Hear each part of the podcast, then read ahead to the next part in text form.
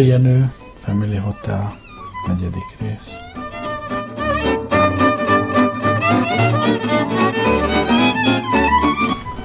A Grand Hotel előtt udvari fogat várt. Az udvari fogat körül pedig nagyobb szabású népcsődület, amely meglehetősen ellenséges indulattal nézte hatodik Iván kocsisát és lakáját. Amikor megjelentünk a bámészkodók között, gyanús morgás hallatszott, és amikor a kocsi elindult, a morgás lármává növekedett. Az emberek kiabálni kezdtek, nem értette meg, mit ordítozna, de néhány ököl is emelkedett felénk, és ez a világ minden nyelvén ugyanazt jelenti. Báró vég állomási nem sokat törődött velük. Cigarettára gyújtott, és engem is megkínált. Pestelen egy ország, mondta néhány szippantás után. Micsoda emberek! Inkább vagyok Budapesten hókaparó, mint itt tábornok. Szerettem volna kérdezősködni, de nem nagyon mertem. Szerencsére nem is kellett, mert a tábornok tovább folytatta a bizalmaskodást, itt már tegezett. Én mondom neked, ez az ország megérett arra, hogy bekebelezzék, fölosszák, elkobozzák, letöröljék Európa térképéről. Ennél zűlöttebb tolvajbanda nem taposta még a földkérgét. Most már én is neki bátorodtam. Nem lehet tudni, hát ha mégis van valami jövője ennek az országnak. Talán ha valami változás. Hetedik Emmanuel? Nem mondtam nevet. Mit várhatunk egy zsonglőrtől? Körülnéztem. Kocsink ebben a pillanatban elhagyatott, üres utcán robogott végig. Felelet helye gyorsan zsebembe nyúltam. Kivettem pénztárcámból két ezret, és átadtam a tábornoknak. A tábornok felsziszent, és kardjához kapott. Megvesztegetés? Villogó szemmel nézett rám, és lassan kihúzta kardját, de én bátran álltam tekintetét, és nem ijedtem meg a kihúzott karttól. Nyugodtan feleltem. Az, megvesztegetés. Erre várok már régóta, sohajtotta a tábornok boldogan, és miután a két ezrest a kart pengéje körül csavarta, a pengét visszadugta hüvelyébe. Elcsodálkoztam. Mentegetőn magyarázon hozzáfűzte. Pajtás, gazemberek vesznek körül. Itt jó helyen van a pénz. Míg a királyi palotába értünk, elmesélte, hogyan került Grovába. Magyar huszárkapitány volt, nagyszerű lovas, és egy csúnya napon unalmában és a keseresdésében hitelezői elől Temesvárról Grovába lovagolt. A Cyril hadsereget akkor fektették modern alapokra. A Cyril lovasság kiképzése körül hervadhatatlan érdemeket szerzett. Ezek fejében megígérték neki, hogy kifizeték adósságait. A hadügyminisztérium minden évben felvette költségvetésébe ezt a nyomorúságos összeget, de a parlament sosem szavazta meg. Különben sem volt rá pénz. Kénytelen volt a tábornoki ranggal és az összegyűjtött Cyril rendjelek írtozatos tömegével beérni. A fehér hollórend nagy keresztjével a gyémántok nélkül, a vörös kecskerend lovak keresztjével a gyémántok nélkül, mindenféle keresztekkel, de mindig a gyémántok nélkül. Így hát lopásból tengette életét ő is, ahogy a többi Cyril politikus. És rendjelközvetítésből. Régi hitelezőit kamatok fejében ellátta kisebb-nagyobb ordókkal, és megtette őket a Cyril király udvari szállítóinak. Tudod, mondta, amikor a királyi polota műmárvány lépcsőn fölmentünk, a sors ide-oda pofozott, sok bajom volt, azért mindig úgy viselkedtem, ahogy katonához és gavallérhoz illik. A fehér teremben, talán azért hívták így, mert körös körül piros sajjamá volt tapétázva, egy pillanatra egyedül hagyott, hogy ő felségének bejelentsen. Ez a pillanat nem volt kellemes. Nyugtalanul gondoltam arra, hogy mindjárt az igazi, komoly király előtt állok. Hiába. Ehhez a törvényesen megkoronázott hatodik Ivánhoz képest a kalandos múltú, keserves jelenő és bizonytalan jövőjű hetedik Emmanuel mégiscsak közönséges csirkefogó volt, ahogy Braddenbraff Párizsi Cyril követ találóan mondta. Mégiscsak más dolog egy közismert uralkodó arany, esetleg csak aranyozott, trónja előtt állni, saját földjén, saját palotájában, mint egy nemzetközi senkivel a lizombárban ülni, és gyanús eredetű pénzen perskőzni. Egy kicsit meg voltam illetődve. Nem csoda, életem első igazi királya volt most esedékes. Mit fog kérdezni? Mit fogok neki mondani? Izgatottságom nőtt, nőtt, homlokomat kiverte a verejték. Elővettem a zsebkendőmet, hogy letöröljem. Bambán tanástalanul bámultam az emlékeztető csomóra. Miért is kötötte? Tudom már, boravalót kell adnom ő felségének. Az ajtó kinyílt, és báró vége állomási némán intett. Szívem hangosan dobogott, amikor a küszöböt átléptem. Következő pillanatban hatodik Iván előtt álltam. Mélyen meghajoltam, már is egy kis csalódással, hiszen nem azt láttam, amit vártam. Költői fantáziám aranyos trónt képzelte, és a trónon biborpalástos aranykoronás királyt, jogarra és birodalmi almával, egy szóval körülbelül a Treff királyt. A valóságban a király szürke Reddingtonos öreg úr íróasztala előtt ült, nem gőgösebben, mint egy bankigazgató, akinél az ember szerény kis váltót akar elhelyezni. Trónnak, palásnak, pompának nyoma sem volt. A szoba, a király dolgozószobája inkább szegényesnek tetszett. Az íróasztal mellett lakhely járt tálcával kezében.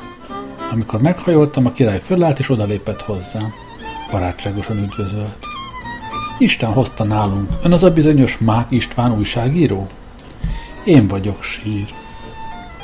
A király intett, a lakás el, lakály előlépett. Konyakkal és piskótával kínált. Nem tudta, mit csinálja. A mellettem álló tábornok oldalba bökött. El kell fogadni. Régi Círia szokás magyarázta a király, aki észrevette habozásomat.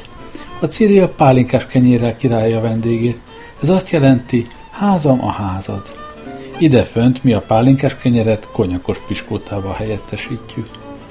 A lakája tábornokot is megkínálta, aztán letette a tálcát és eltűnt. A király leült és intett nekünk. Mi is leültünk. Mind a hárman lassan, óvatosan mártogattuk a piskótát a konyakba. Egy darabig némán mártogattunk, aztán a király megszólalt. Tisztelt újságíró úr, ő nagy kellemetlenségeket csinált nekem. Én sír. Ön, ön, sír, eddig még nem csináltam semmit. Minek jött Grovába? Úgy tudom, sír, hogy Grovában minden nap megfordul egy csomó idegen, akitől senki sem tudakolja, mit keres itt. Öntől sem tudakolnó, ha a párizsi követem nem jelezte volna megérkezését. Sír. Az ön követe? Szamár. Gondolhatott volna arra, hogy a lámpaernyőt megnézze? A lámpaernyőt? Bután bámultam hatodik Ivánra, nem tudtam, miféle lámpaernyőről beszél. A király nevetett. Az Orient Express fülkéjében, ahová a pénzét elrejtette. Megdöbbentem. Felséget tudja? Nem volt nehéz kitalálni. Legyen nyugodt. Ha azon az éjszakán én nyitottam be, be, volna be a háló fülkéjébe, Kettenburg tábornok Báros van, és dr. Krulcs ma nem kapták volna meg hetedik Emmanuel leveleit. Leplezetlen tisztelettel néztem a királyra. Felséges uram, ezt is tudja? A király mosolygott.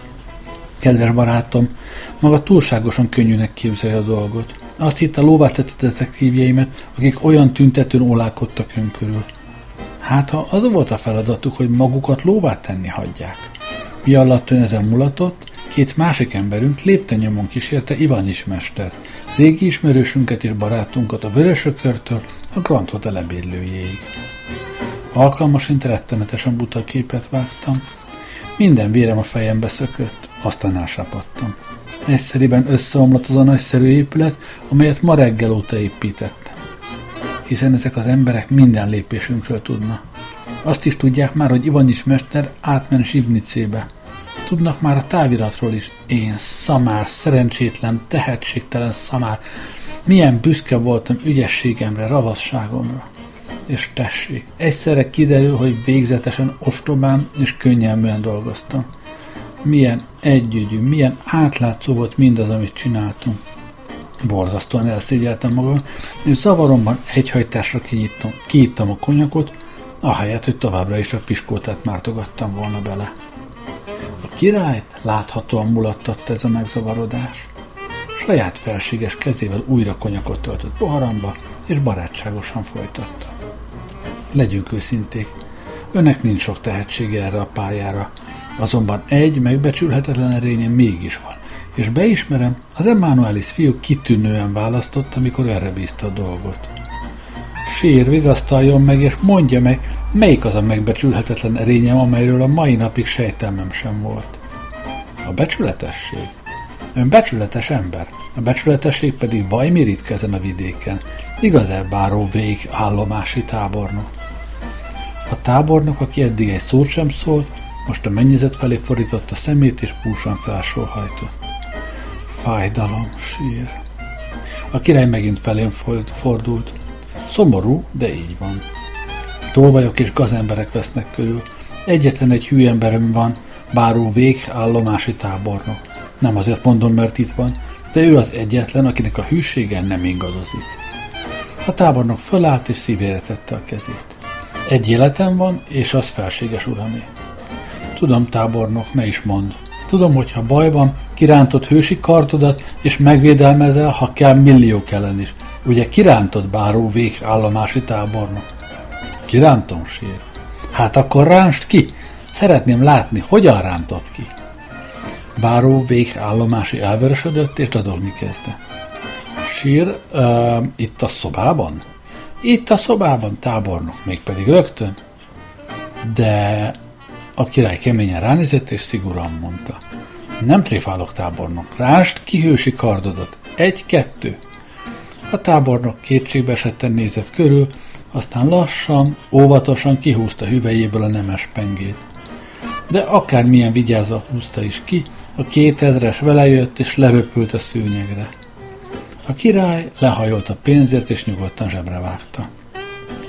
Nagyon régi trükk ez, kedves báró vég állomási táborna, mondta a levegő után kapkodó generálisna. Csodálom, hogy nem tudtál ravaszabbat kieszelni. A tábornok sírásra fogta a dolgot. Sír, kétségbe vagyok esve. A király megnyugtatta. Tudom, fiam, tudom. De nem az árulás síratot, hanem a pénzt. Korábban kelj fel, ha a hatodik kíván eszén túl akarsz járni. Magam is sejteni kezdtem, hogy hatodik kíván eszén nem könnyű túljárni. Ehhez még báró vég állomási tábornok sem kelt fel elég korán, pedig a tábornok állandóan a király szomszédságában élt, és kitűnően ismerte a civil viszonyokat. Milyen későn kelhettünk föl mi, tapasztalatlan jámbor kezdő, én és Ivanics mester. Az a tisztelet, amelyel hatodik Iván iránt már is viseltettem, az imént lezajlott mutatvány hatása alatt meghódolásra, elragadtatásra alakult át.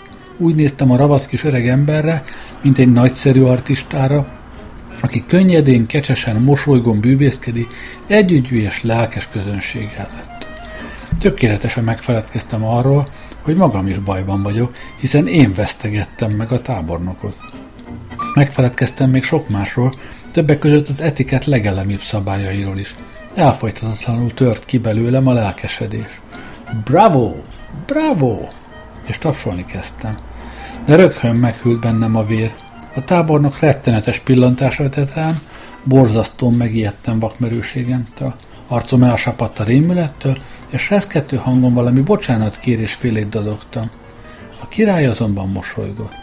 Hiú volt, mint minden művész, és ez a mindenről megfeledkező, minden korlátot ledöntő elismerés jól esett neki. Könnyedén bólintott. Köszönöm. Aztán a tábornokhoz fordult. Most pedig, kedves végállomási tábornok, hagy magunkra, és a kulcsukon se hallgatóz, mert úgyis hiába, halkan fogunk beszélgetni. A tábornok összeütötte a bokáját, meghajolt és kiment.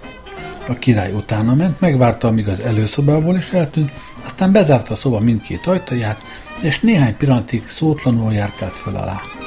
Hirtelen megállt előttem, és hosszasan fürkésző nézett rám. Mondja meg őszintén, miféle megbízást kapott az Emanuelis fiútól? Sír, én, én nem akar nyilatkozni? De igen, sír, mégpedig őszintén.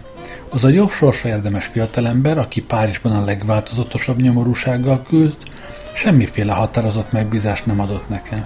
Csak azért jöttem Grovába, hogy körülnézzek egy kicsit, érdeklődjek a vezető politikusok a nép hangulata iránt, beszéljek régi barátaival, és ha lehetséges, szerezzen neki újakat? Sír, az a nyomorúságos 2000 frank, amelyet a tábornoknak adtam, csak az én lelkemet terheli. A tábornok magyar, én is az vagyok, nincs pénze, és... És ön megsajnálta. Hogy ne. Mi önnek a 2000 frank? Semmi. A krajcáros igazság párizsi levelezője a koldusnak is ad ennyit. Elpirultam. A király gúnyosan vigyorgott, azonban hamar összeszedtem magamat.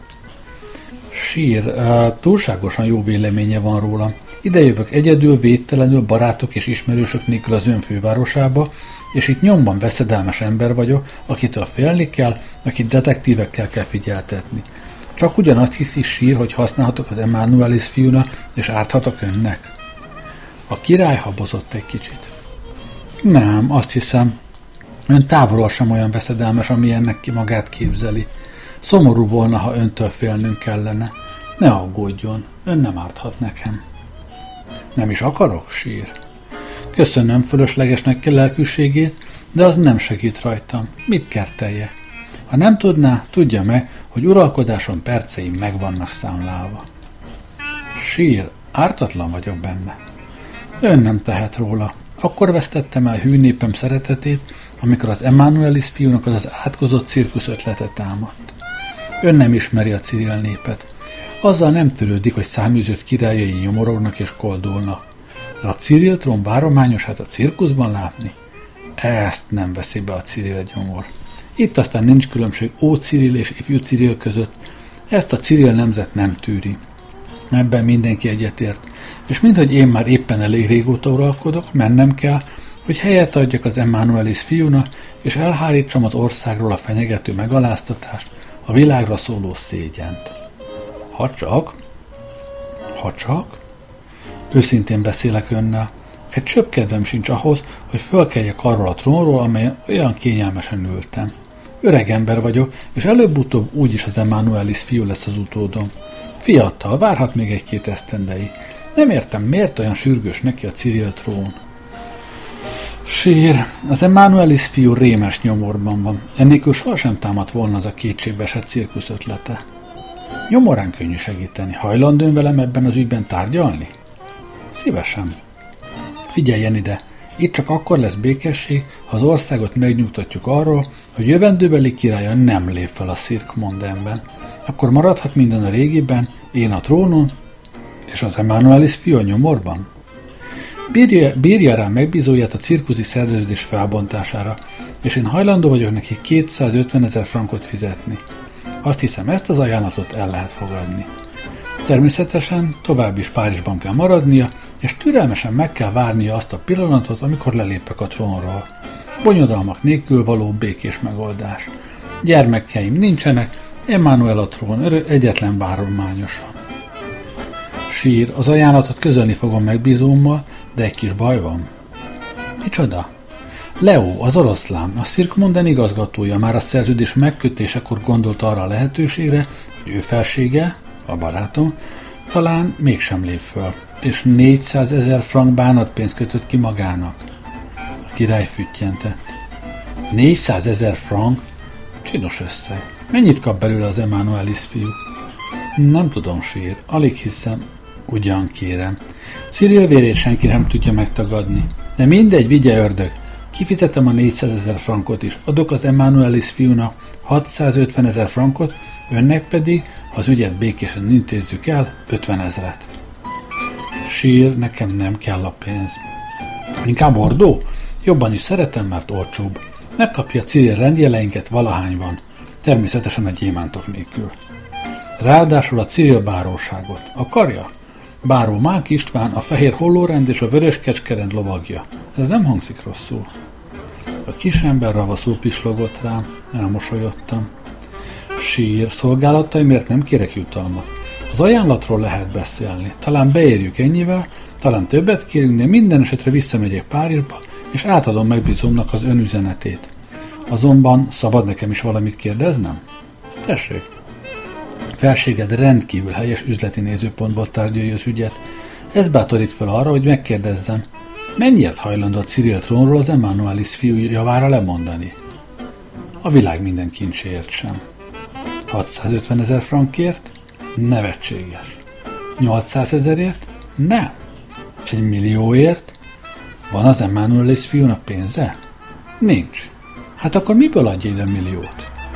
Felhatalmazza felségedet arra, hogy a kincstárból vegye ki. A király jó ízűn fölkacagott. Kedves barátom, ami pénz a kincstárban volt, azt az Emmanuelis fiú felhatalmazása nélkül is kivettem már. Onnan nem egy milliót, hanem tíz maravédit sem lehet kivenni. És ha máshonnan szerezzük meg, egy millióért készpénzben megyek. Értse meg jól, készpénzben. Sír, ön is készpénzben fizeti ki nekünk a 600 ezer frankot?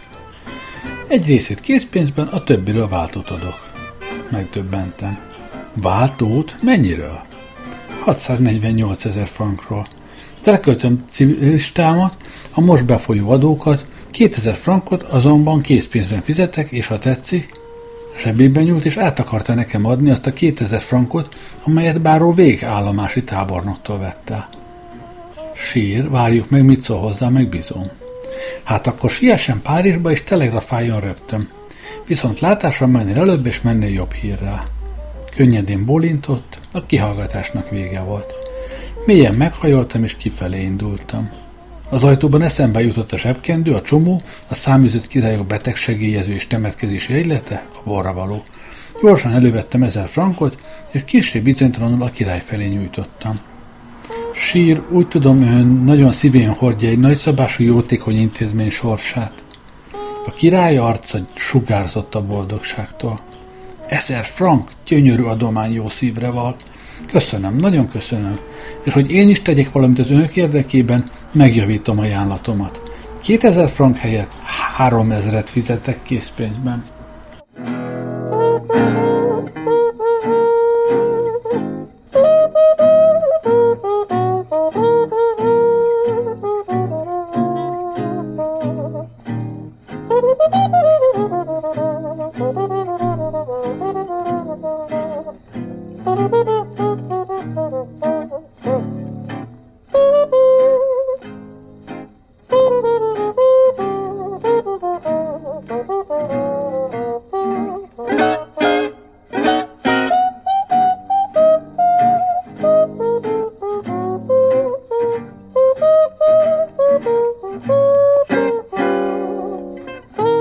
Amikor a Grand Hotelba visszamentem, Ivanics mester várt már. Türelmetlenül, nyugtalanul, aggódón, régóta. Nagy megkönnyebbüléssel fogadott, úgy látszik attól tartott, hogy nem menekülök évbőrrel a királyi palotából. Fölmentünk a szobámba, melynek ajtaját gondosan bezártam, még a kulcsukba is papíros dugtam. Ivanics mester földultan egy székbe roskadt. Nagyokat fújt. No, Ivanics mester, megjártuk, mondtam a Balkán szakértőnek. A király mindent tud, ezek az átkozott gazdafickók minden lépésünket megfigyelték. Ivanics nagyot sóhajtott. Nekem mondja? Gondolataim annyira elfoglaltak, hogy Ivanics mester durtságát most vettem észre csak. Valami nagy baj van? Nagy baj. Mi történt? Amikor önt elhurcoltak a palotába, át akartam menni Zsivnicébe, hogy megbeszéltük. Resétáltam a hajóállomáshoz, közben óvatosan körülnéztem, nem olalkodik-e valaki körülöttem. Rögtön fel is fedeztem egy gyanús embert, tíz lépésről lerít róla, hogy detektív. Kipróbáltam a fickót, befordultam egy mellékutcába, ő mögöttem. Visszamentem az állomáshoz, ő is. Jegyet váltottam, ő nem különben. A hajóhídon egymás mellé kerültünk. Láttam, hogy nem tágít, mindenütt nyomomban fog maradni. Nem sok vesztegetni való időm volt. A, hajó, a hídon tolongók áradata mind közelebb sodort a hajóhoz, mely indulásra készen tülkölt. Megálltam, hogy helyet adjak a tömegnek, amely magával sodorva detektívet elrohant mellettem. Elbújtam egy óriási círja háta mögé, majd amikor a tömeg valamelyes lazult, ész nélkül futni kezdtem. Végig a part mentén. A detektív fölfedezett, utánam loholt. Ez alatt a hajó elindult. Nagyon kis előnyöm volt, de alaposan kihasználtam. A parton egy csónakot láttam, két halász ült benne. Annyi időm volt csak, hogy beugorjak a csónakba, és odaszóljak nekik. Vigyetek át zsivnicébe, jól megfizetlek. A két halász nem kérdezett semmit, rögtön nevezni kezdett. Következő pillanatban ott állt már a parton a detektív, és tehetetlen düvel nézte a távolodó csónakot. Nagyot lélegzettem. Meg voltam mentve. Gúnyosan nevettem a detektívre, aki fenyegetően rázta az öklét, és úgy futkosott ide-oda, mint az őrült. De a környéken nem volt más csónak látható. E szerint? E szerint semmi. Még nincs vége. A két halász néma nevezett a zuna közepéig. Itt az egyik letette az evezőt, és így szólt hozzám. Kedves Ivanics úr, legyen szíves, adja ide azt a táviratot, amelyet zsebében rejteget. Elsápadtam, és bambán meredtem rá. Miféle táviratról beszél? Eszembe sem jutott, hogy megkérdezzem, honnan ismer. A halász azonban nem sokat teketóriázott, torkon kapott, és így szólt. Ide azzal a távirattal, vagy levéllel, vagy akármi más írással. A csónak veszedelmesen ingadozott. A másik halász is letette a lapátot, láttam, hogy ezekkel az emberekkel nem boldogulok. Zsebemben nyúltam, és kivettem a Blanche Durinak szóló táviratot. A halász kikapta kezemből, és elolvasta. Jöjjön azonnal grovába. Vigyorogni kezdett. Nagyon jó. Aztán megint rám förfmett. Van még valami más írás is önnél?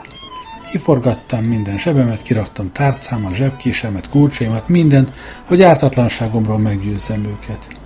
Kétségtelenül nagyon rémültnek és őszintének látta, mert végül is belenyugodtak abba, hogy nincs nálam semmi gyanús. Visszaeveztek velem a gróvai partra. A detektív ott állt, még gúnyosan nevetett. Beleesett a csapdába, kedves Ivanics mester. Nem gyarakodott arra a csónakra, mely oly készségesen nevezett el önnel. Két megbízható detektívünk ült benne. Ivanics elhallgatott. Megtörten, leforrázottan néztem rá. Hát megint túljártak az eszünkön. Ezek a fickók mindenütt ott vannak, minden tervünket meghiúsítják. Elcsüggettem. Éreztem gyöngeségemet és tehetetlenségemet, éreztem mindenek felett azt, hogy a ravasság mezején nem tudok ezekkel az agyafúr cirilekkel mérkőzni. Kémek vesznek körül. Akármit csinálok, öt perc múlva jelentik már hatodik Ivánna. Önkéntelenül az ágy alá néztem, és meg sem is lepődtem, amikor egy hóri horgas fekete fickót láttam alatta. Kipiszkáltam botommal, fürgén kimászott, udvarias mosolya meghajolt, kulcsot vett elő, kinyitotta a bezárt ajtót, és némán távozott. Az ajtót alkalmasint szándékosan nyitva hagyta. Bosszús tekintetem elől három másik alak menekült a folyosó homályában. A helyzet reménytelennek látszott. Beláttam, hogy nincs mit keresnem grovában. Táviratunk alkalmasint hatodik Iván kezében van már. A távirat alapján nyugodtan börtönbe vetnek minket. Könnyű volt kitalálni, kit szólít haza a Blanche Durinak címzett távirat. Ivanics mester, nem maradhatunk tovább Grovában. Hazautazunk, ön Budapestre, én, ön. Már alkalmam volt, hogy Párizsba utazok, amikor gondoltam egyet, és elnyeltem a vallomást. Hát, ha a szekrényben is van valaki. Óvatosan kinyitottam a szekrényt, de a szekrény kivételesen üres volt. Tökéletesen üres, ami kisé lehangolt, mert határozottan emlékszek arra, hogy reggel a szekrénybe akasztottam vadonatúj frakkomat. Egy pillanatig azzal a hívságos reményen látottam magam, hogy talán az inas vitte ki, de csak hamar kiderült, hogy a frakkot nem látta senki. Nyomtalanul eltűnt. Hónapok múlva láttam csak viszont a vallás és közoktatásügyi miniszteren. Ivanics mester türelmetlenkedett. Hová utazik? Majd megtudja később. De nem utazhatunk el. Miért nem? Elfelejtette már, hogy ma este találkozunk az urakkal. Kettenburg tábornokkal, Bárosz Anna és dr. Kurulcsal. Nem felejtettem el, de ennek a találkozásnak nincs sok értelme. Miért? Mert úgyis megfigyelnek minket. Nem csak mi kerülünk bajba, hanem azok az urak is. Meg hátrálunk? Nem hátrálunk meg, de nem is rohanunk fejjel a fajna, falnak. Itt nem sokat használunk hetediken Manuelna. Vagyis visszamegy Párizsba? Értem. De ragaszkodok ahhoz, hogy előbb beszéljünk az urakkal. Ivanics nagyon határozottan beszélt. Bátorsága, amelyet az unnak közepén a torkába folytotta, lassanként visszatért. Kis szeme élénk tűzzel villogott, sűrű fekete szemöldöke alatt. Azt hiszi, már is elfelejtettem, hogy megszorongatták a torkomat? Megmutatom ezeknek a patkányoknak, hogy bennem emberükre találtak. Igenis, beszélünk hetediken menő a híveivel. Azért jöttünk ide? Mi történhet velünk? Kettenburg tábornok sem esett a feje lágyára, ezek a cirilek különben is edzett és kipróbált összeesküvő. Ha titkos találkozót adnak nekünk, nem kétséges, hogy jó helyen adják. Körülbelül igaza volt. Már-már röstel lettem azt a gyanús és kis, egy kis gyávaságnak is bélyegezhető sietséget, és az okosságot, amelyel a találkozás elől kitérni akartam. Nekem is igazam volt, amikor hatodik Iván üzenetével mennél elő Párizsban akartam lenni. A kihallgatás óta azt láttam legfontosabbnak, hogy hetedik Emmanuellal beszélje, és mivel Ivan is távirata kútba esett, minden cserben akartam hagyni, hogy Párizsba repülje. Azonban magam is, magam is úgy éreztem, hogy mégiscsak meg kell kockáztatnunk ezt a találkozást.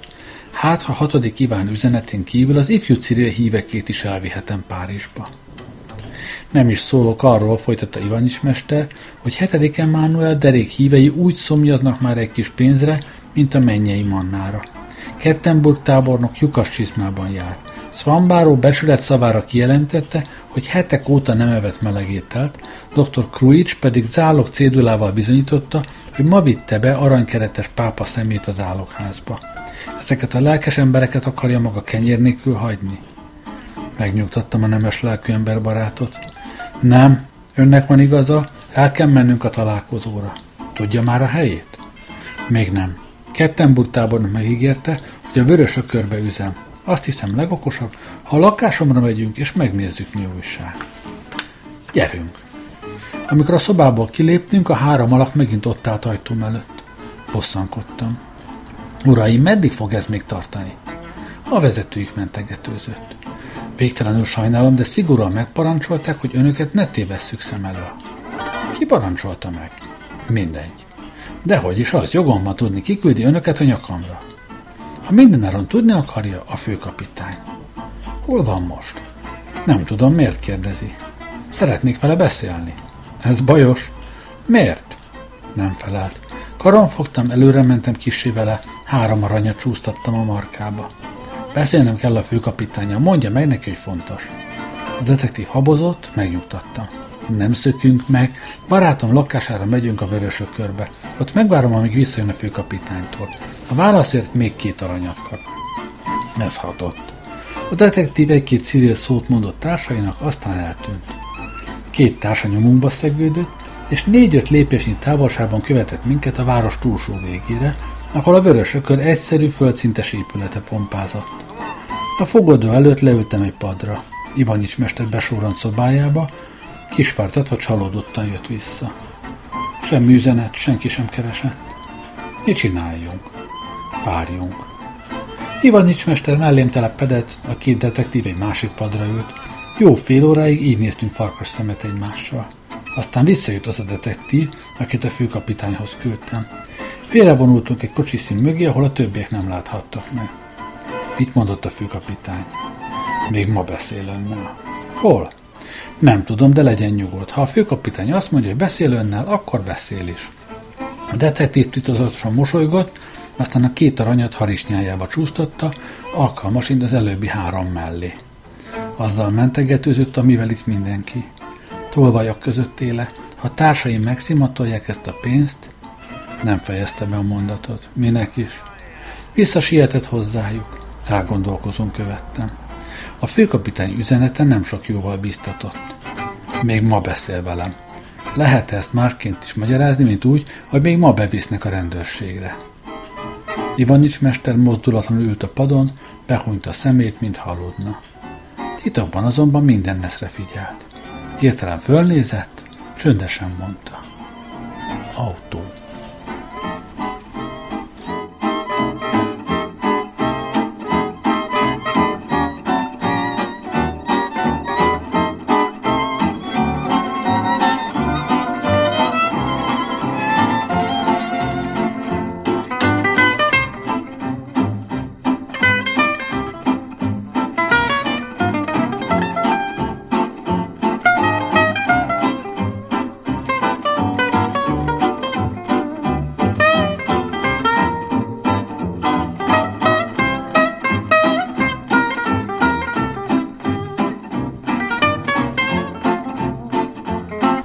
Távolból csak ugyan motorberregés hallatszott, halbúgással és a hanglabda sivalkodásával ellegyesen. A berregés mind jobban közeledett, a búgás erősbödött, végre az automobil befordult a fogadó elé. A kocsi üres volt. A sofőr mellett csak egy gumikabátos, nagysapkás pápaszemes úr ült, aki előtt három detektív alázatosan lekapta a kalapját. A pápaszemes úr kiugrott az autóból, és egyenesen hozzám sietett. A főkapitány, súgta az a detektív, akit a városba küldtem. A főkapitány, már is, körülnéztem, védelmet kerestem, harcra azonban nem került sor. A főkapitány megállt, és valami írást vett elő. Mák István újságíró, olvasta idegen. Én vagyok. Ivanics, szintén újságíró, jelen. A törvény nevében mindkettőjüket letartóztatom. Mérgemben elvörösödtem. Tiltakozok, minden erőmmel tiltakozok. Én is tiltakozok, morogta Ivanics jóval csendesebben. A főkapitány vállát vonta. Erre a később. Egyelőre figyelmeztetem önöket, hogy minden ellenállás hiába való. A legokosabb, ha békésen beletörődnek sorsukba és megadják magukat. Üljenek a kocsimba.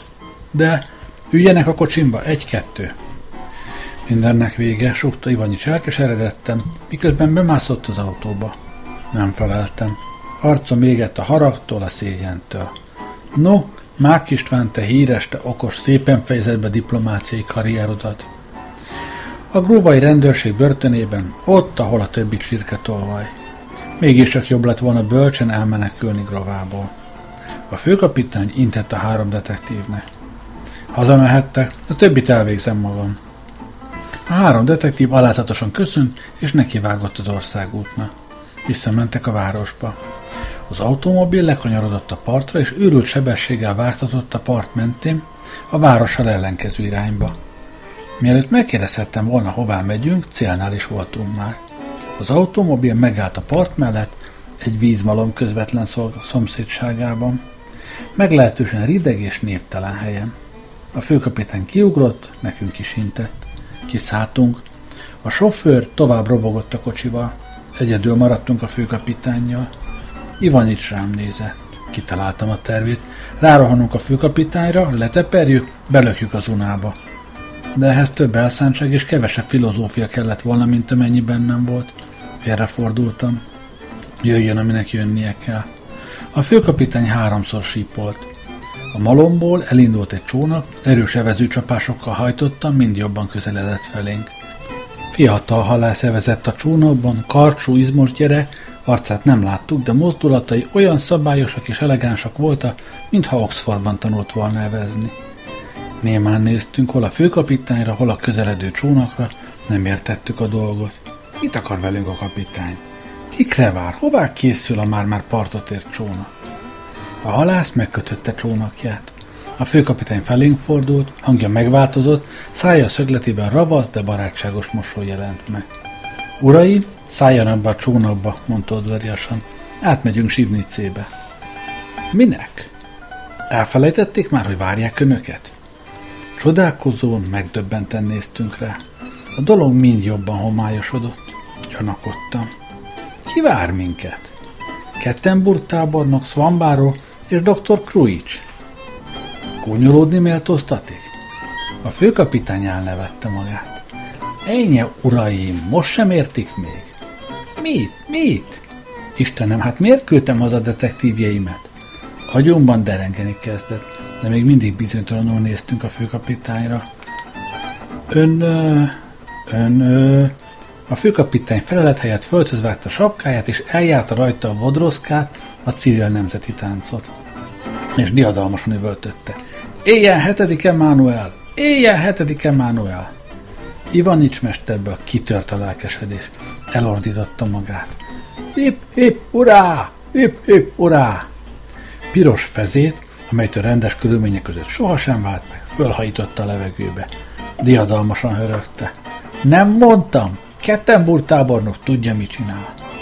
Engem is valami mámoros jóket fogott meg, megszorítottam a főkapitány kezét. Vagyis hetedik Emmanuel megint szegényebb volt 3000 franka. Na most reménykedtem már, boldog izgatottsággal ugrottam a csónakba. Tekintetem egy pillanat alatt végigfutott a csónakoson, és meg kellett fogoznom, hogy ki ne forduljak a csónakból. Eltátottam szájamat, ahogy a hal, amikor szárazra kerül. A csónakos összehozta szemöldökét, aztán közönösen nevezni kezdett. Nem nézett többé rám. A világ forgott velem. A fiatal halász, aki úgy evezett, mintha Oxfordban tanulta volna, hetedik Emmanuel volt. Amíg az unán átkeltünk, egyikünk sem szólt, némán ültünk és izgatottam. Egy ember volt nyugodt csak, hetedik Emmanuel. Mintha mindaz, ami történt, ami történni fog, nem is miatta történne. A főkapitány idegesen cigarettázott, Ivanics mester pedig nyugtalanul nézett rá. Nem szerette ezt a nyomasztó csöndet. Százszor is meg akart szólalni, de mindannyiszor megijedt, köhögött egyet, aztán elhallgatott. Nekem volt, mint gondolkoznom. Hetedik Emmanuel, akit Párizsban hittem. Rova alatt egy malomban rejtőzi, titokban, áruhában. Mikor jött ide? Miért jött ide? Valami bizonytalan érzés azt súgta nekem, hogy sok minden történt itt, amiről nem tudok, ami igen, mit szépítsem a dolgot, ami a hátam mögött történt. Akkoriban érzékeny ember voltam, és minden csekéség bántott.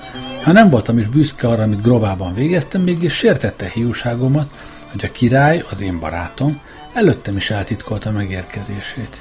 Bántott, hogy a főkapitányt és a többi hívét beavatta ebbe a titokba, hozzám pedig legigazabb, legőz, önzetlenebb hívéhez bizalmatlan volt. Hiába próbáltam magamat azzal megmutatni, hogy mindez alkalmas itt az ügy érdekében történik, valamilyen csalódás, egy kis kiábrándulás nehezedett rám. A siker a diadal küszöbén elborult az arcom. Mégiscsak sokat kockáztattam ezért a rokonszenves fiatalemberért, aki nekem senkim, még csak királyom sem. És barátságból tettem, nem pénzért, nem dicsőségért, nem titkos ambíciókkal, hivatalért, ordóért. Rászettek egy kicsit. Barátságommal mást, többet érdemeltem volna. Megérkeztünk a túlsó partra. A fiatal halász valami cölöphöz kötötte csónakját egy másik üres csónak mellé. Habozón indultam útna. A fiatal halász nem jött velünk. A főkapitány közönösen előre sietett. Én is mentem, már nem néztem többé hátra. A csönd még ott ült lelkünkön, egyikünk sem mert elzavarni. Szótanul mentünk, mint a hárman vagy öt percig, amikor egy halászcsárdához értünk. A főkapitány azt mondta. Megérkeztünk. A csárda élettelen és elhagyatott volt, egy lélek sem mutatkozott körülötte. Ablakai le voltak függönyözve, ajtaja zárva volt. A főkapitány kopogtatott az ajtón. Ivanics mester oldalba bökött, nagyon izgatott volt. Nekem is erősebben dobogott a szívem. Életemben először vettem részt igazi összeesküvésben. Hiába az ilyesmi mégiscsak izgatja az embert. Az ajtó nem nyílt ki, de lépések közeledtek bentről, és egy borizű hang kiszólt. Ki az? Három piros rózsa, adta meg a jelszót a főkapitány. Három piros rózsa. Visszaemlékeztem arra a párizsi reggelre, amikor ezt a három szót harmincszor kellett leírnom a Family Hotel haljában. Első ízben akkor avatkoztam bele a civil politikába. Ennek egy pár hete csak. Mi minden történt azóta, de nagy utat tettem meg a Párizsi Family Hotel haljától a Zsivnicei halászcsárdáig. És íme, az a hetedik Emmanuel, aki akkor az én pénzemmel fizette ki a táviratokat, ma szintén itt van. Holnap vagy holnap után talán király is lesz már. Egy ország királya. Az ajtót kinyitották. Beléptünk az ivóba, amelyben csak egy homályos olajlámpás és készszállt gyertya pislákolt. A gyertyák egyszerű paraszti szokás szerint önnön fagyújukkal voltak az asztalhoz ragasztva. Az ivóban nagy volt a füst.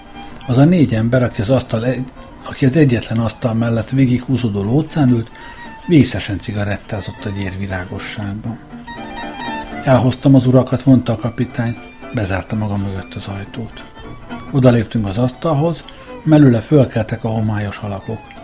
Ivan is a gyertyafényel megismerte, és bizalmasan üdvözölte őket. Aztán bemutatott nekik. Kettenburg tábornok, Bárosz van, dr. Kruics. A negyedik nekem is régi ismerősöm volt, Báró vég állomási tábornok. A tábornok harca most is piros volt még a düttől. Még mindig a 2000 frankját fájlalta. Mind a négy melegen megszorította a kezemet. Ön nagy szolgálatot tett Cirilországnak, mondta Kettenburg tábornok.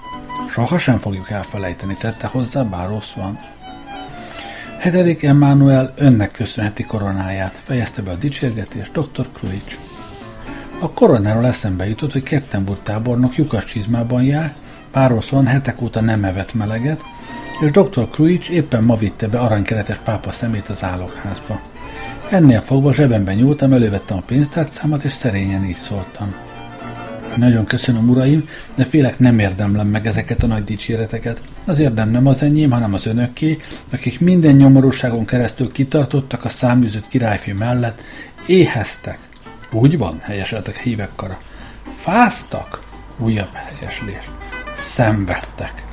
Szűnni nem akaró helyeslés. És azt hiszem, hogy helyesen cselekszem, ha ő felsége magánpénztárából egy kis előleget utalványozok önöknek, előleget az önök jövendőbeli hűségére. Közhely. Viharos, megmegújuló, felvonás közöket végig tapsoló helyeslés. Ezzel átnyújtottam nekik fejenként 2000 frankot. Báró végállomásig nagyon megilletődött, fájdalmasan sóhajtott. Négyezer volna már, ha? A többiek nem értették meg ezt a titokzatos sóhajt. Báró végállomásig nem magyarázta meg nekik. Az ajtón újabb kopogtatás hallatszott. Mindannyian felugrottunk és egymásra néztünk. Ő felsége! sukta Kettenburg tábornok, és az ajtóhoz sietett. Odakint megadták a jelszót, az ajtó kinyílt, és a küszöbön megjelent a fiatal halász. Jó estét, urak, mondta friss, csengő hangon. Mindannyian mélyen meghajoltunk, csak Ivanics mester dermet meg. Az egyetlen, aki nem ismerte a királyt. Ez, ez hetedik Emmanuel? dadogta a fülembe. Némán bolintottam. Ivanics a falhoz támolva. Én szamár, hogy nem találtam ki. Hetediken már hozzám lépett, és minden ceremónia nélkül megölált. Köszönöm, nagyon köszönöm. Önnek köszönhetem királyságomat. Elpirultam a büszkeségtől, de tiltakoztam. Nem, sír, nem. Semmit sem csináltam, amit csinál, és amit csináltam, rosszul csináltam. Hetediken már elnevetett. Téved, remekül csinálta, remekül. Önmaga sem tudja, milyen jó, de mi tudjuk, ugye, uraim? A többi mosolygott. Nagyszerűen. Zavarodottan néztem rájuk. A király nevetése, a többiek mosolygása nem tetszett nekem. De mielőtt még szólhattam volna, hetedik Emmanuel Ivanicsra mutatott. Ez az úr, akit nem ismerek, alkalmas itt az ön barátja? A derék Ivanics sír. Derék Ivanics, ön is nagyszerűen csinálta a dolgát, nem fogja megbánni, hogy hetedik Emmanuel szekerét tolta. Ivanics boldogan hajlongott. Hetedik Emmanuel báró végállomásihoz fordult. Báró végállomási. Hogyan kerülsz ide? Ma reggel hatodik Iván hadsegéde voltál még. A tábornok feszes haptákban guttaütéses arccal rebegte. Sír, ma reggel még vak voltam és süket, de ez a régi barátom, akit huszárkapitány koromból ismere, meggyógyított. Vakmerő szemérmetlen nyugalommal rám mutatott. És most? kérdezte hetedik Emmanuel élesen. Életem és vérem felséges uramé. A tábornok ki akarta rántani kardját, gépiesen, önkéntelenül visszaemlékezve arra kis jelenetre, amely hatodik kíván dolgozójában lejátszódott. Szerencsére az utolsó pillanatban észbe kapott, és nem rántotta ki, holott nyugodtan kiránthatta volna, mert a 2000 frankot a csizma szárába dugta. Hetedik Emmanuel bólintott. Hiszem, hogy éppen olyan híven fog szolgálni, mint ahogy régi gazdádat szolgáltad. Most pedig halljuk már Kisfán urat, mit beszélt ma a kihallgatáson hatodik Ivánnal. Egyik eléggé megbízható hírforrásunk a főkapitány szerint hatodik Iván nem idegenkedik valami kiegyezés félétől. Ezért jöttünk ide. Nem beszélt ilyesmiről? Részletesen elmondtam hatodik Iván üzenetét. Hetedik Emmanuel gúnyos mosolya hallgatta végig, aztán fölkacagott. 400 ezer frankot ígér váltóba, és 1 milliót kér készpénzben. Mindig csirkefogó volt, most is az, amikor nyakán már kér. Mit érdemel az ilyen ember? Mindent, csak kiméletet nem. A tisztességes ajánlattal küldte volna hozzá, Istenem, nekem nem sürgős, vártam volna még 5-6 hónapig. De így, ma éjjel 12 óra 5 perckor én vagyok Cirilország királya. Így van, uraim? Esküszöm, zúgta az összeesküvők kara. Akkor előre, grovába. A főkapitány elfújta a lámpát, meg a gyertyákat. Elhagytuk a csárdát. Odakint a királyvállamra tette a kezét. Ön velem jön. Hátra maradtunk, míg a többiek, köztük is mester is, lesiettek az unához. Egy ideig némán mentünk egymás mellett, aztán hetediken Mánuel megszólalt. Mivel háláljam meg azt, amit értem tett? Semmivel. Semmit sem tettem felségedért. Ami történt, nélkülem történt. Ártatlan vagyok abban, hogy ön ma éjjel 12 óra 5 perckor Cirilország királya. Hangomból annyi keserűség árad ki, hogy hetediken Mánuel meglepődött. Mi baja? Mi bajom? Bocsánat, sír, nem értem. Azt hittem Párizsban várja meg. Hetediken Manuel harsányan jó ízűn fölkacagott. Maga drága jámbor lélek, azt hitte, és megsértődött azon, hogy tudta és megkérdezés nélkül ide mertem jönni. Elég okom volt arra, hogy ide jöjjek, nem? Hiszen én akarok civil király lenni, és ezért nekem is szabad egy kicsit dolgoznom. Bármilyen nagyra becsüljem is önt, a tehetséges diplomatát, kizárólag önre mégse bízhattam a dolgot. Mert Kettenburg tábornok is valaki, Város van is valaki, és dr. Kruics is valaki, nem szólva a főkapitányról, az egész társaság eszéről. És ezek az urak már hónapok óta dolgoznak azon, amiben ön csak három nap óta fáradozik. A király hangja egy kicsit gúnyos volt, ami még jobban elkeserített. Sír, én csak az ellen tiltakoztam, hogy érdemtelenül elhalmoznak bókokkal és örök hálával fenyegetne. Mihelytön belenyugszik abba, hogy semmi részem az ön. Nem nyugszom bele. Nagy része van.